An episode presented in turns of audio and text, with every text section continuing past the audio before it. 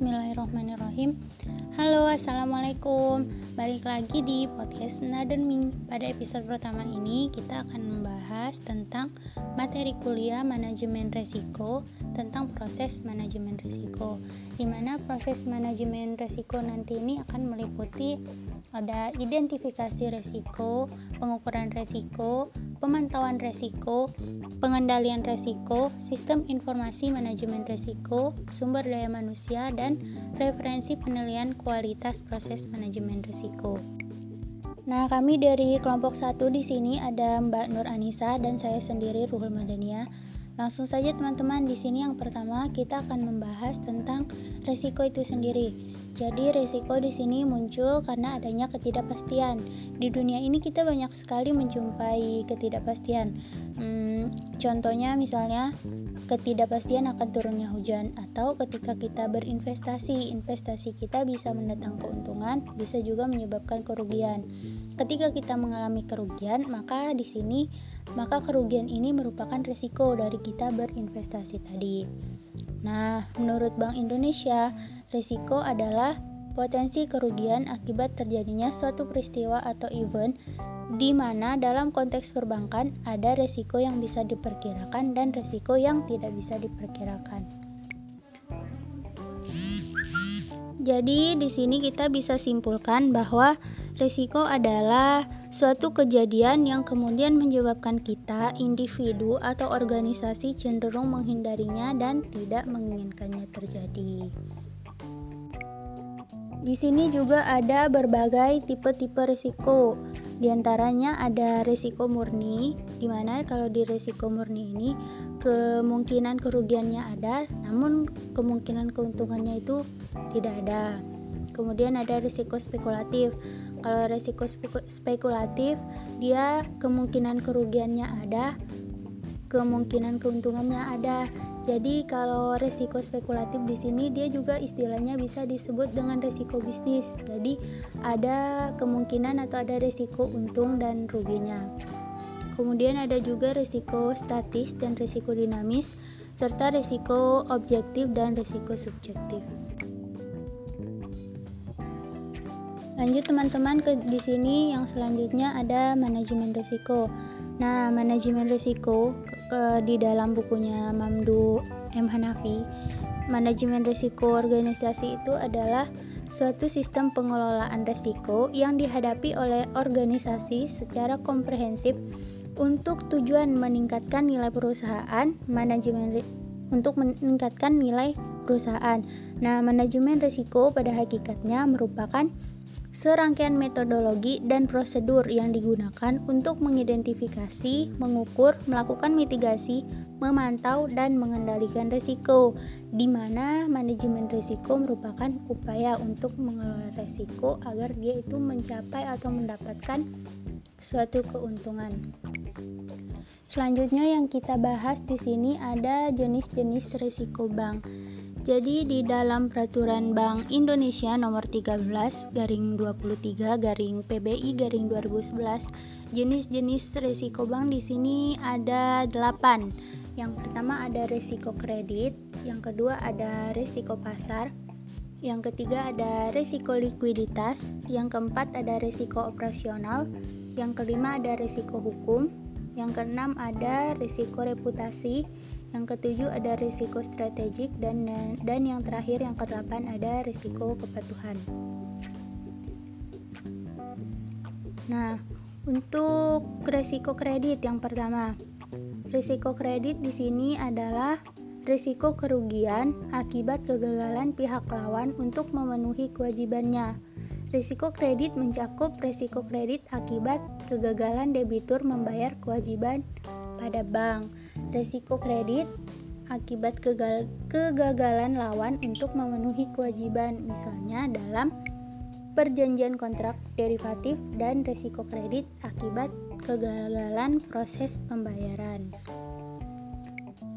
Kemudian yang selanjutnya ada risiko pasar. Risiko pasar adalah Risiko perubahan harga pasar pada posisi portofolio dan rekening administratif termasuk transaksi derivatif. Contohnya di sini risiko pasar itu Risiko pasar itu bisa timbul apabila bank membeli obligasi negara dengan kupon tetap ketika pasar obligasi akan turun apabila suku bunga pasar meningkat. Kemudian yang selanjutnya ada risiko likuiditas.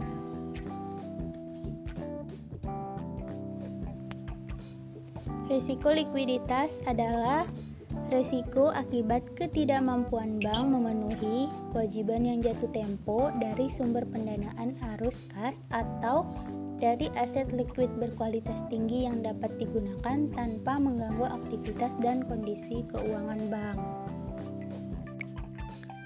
Resiko yang selanjutnya ada resiko operasional. Jadi resiko operasional di sini adalah resiko yang diakibatkan ketidakcukupan dan tidak berfungsinya proses internal akibat tidak adanya atau tidak berfungsinya prosedur kerja, kesalahan manusia, kegagalan sistem, dan atau adanya kejadian-kejadian eksternal yang mempengaruhi operasional bank. Nah, contoh kesal contoh risiko operasional bank di sini e, salah satunya adalah kesalahan posting uang masuk karena pegawai yang ditunjuk kurang berpengalaman dan terjadi ben karena dan kurang berpengalaman ya. Jadi itu. Jadi pegawai yang ditunjuk itu kurang berpengalaman. Selanjutnya ada resiko hukum.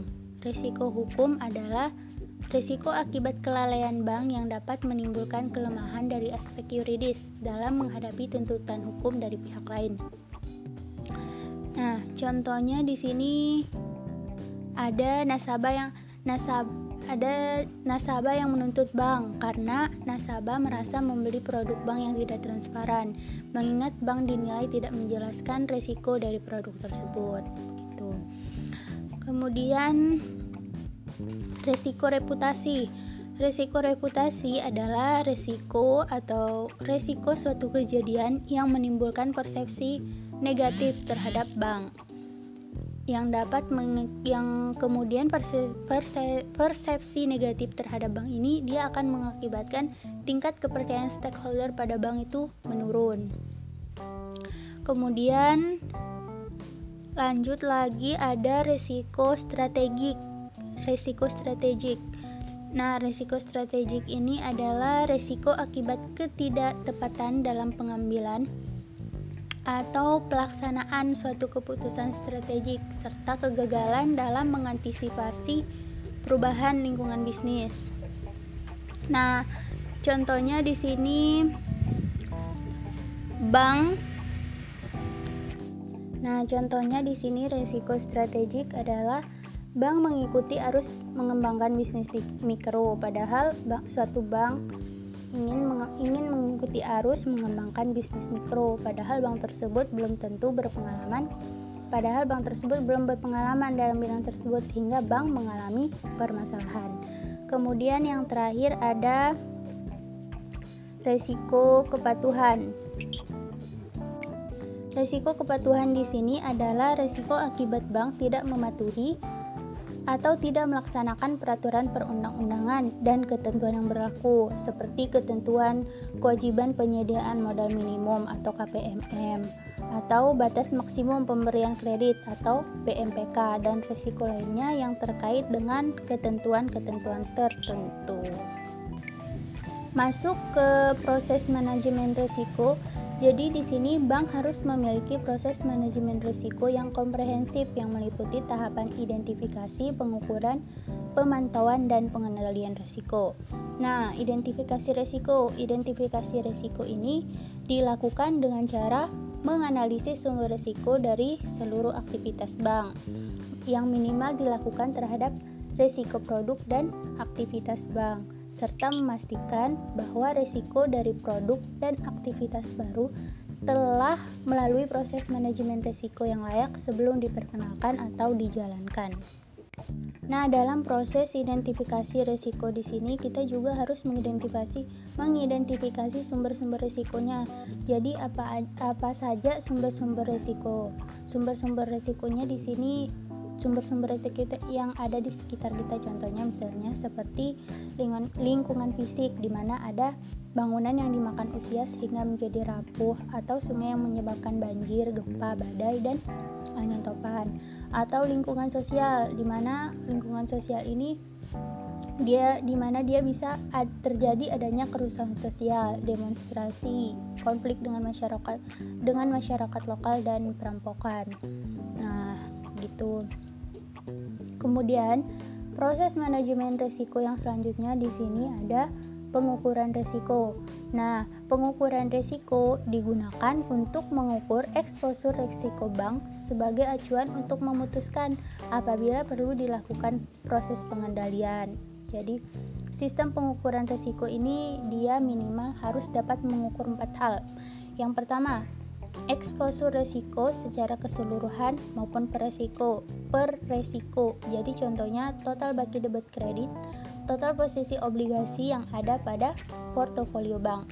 Yang kedua, seluruh risiko yang melekat pada seluruh transaksi serta produk perbankan termasuk produk dan aktivitas baru.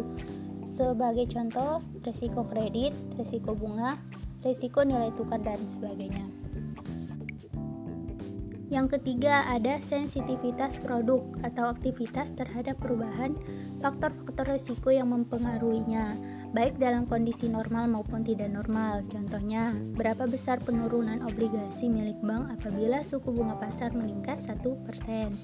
Dan yang keempat ada kecenderungan perubahan faktor-faktor dimaksud berdasarkan fluktuasi yang terjadi di masa lalu dengan, dengan memperhitungkan faktor korelasi.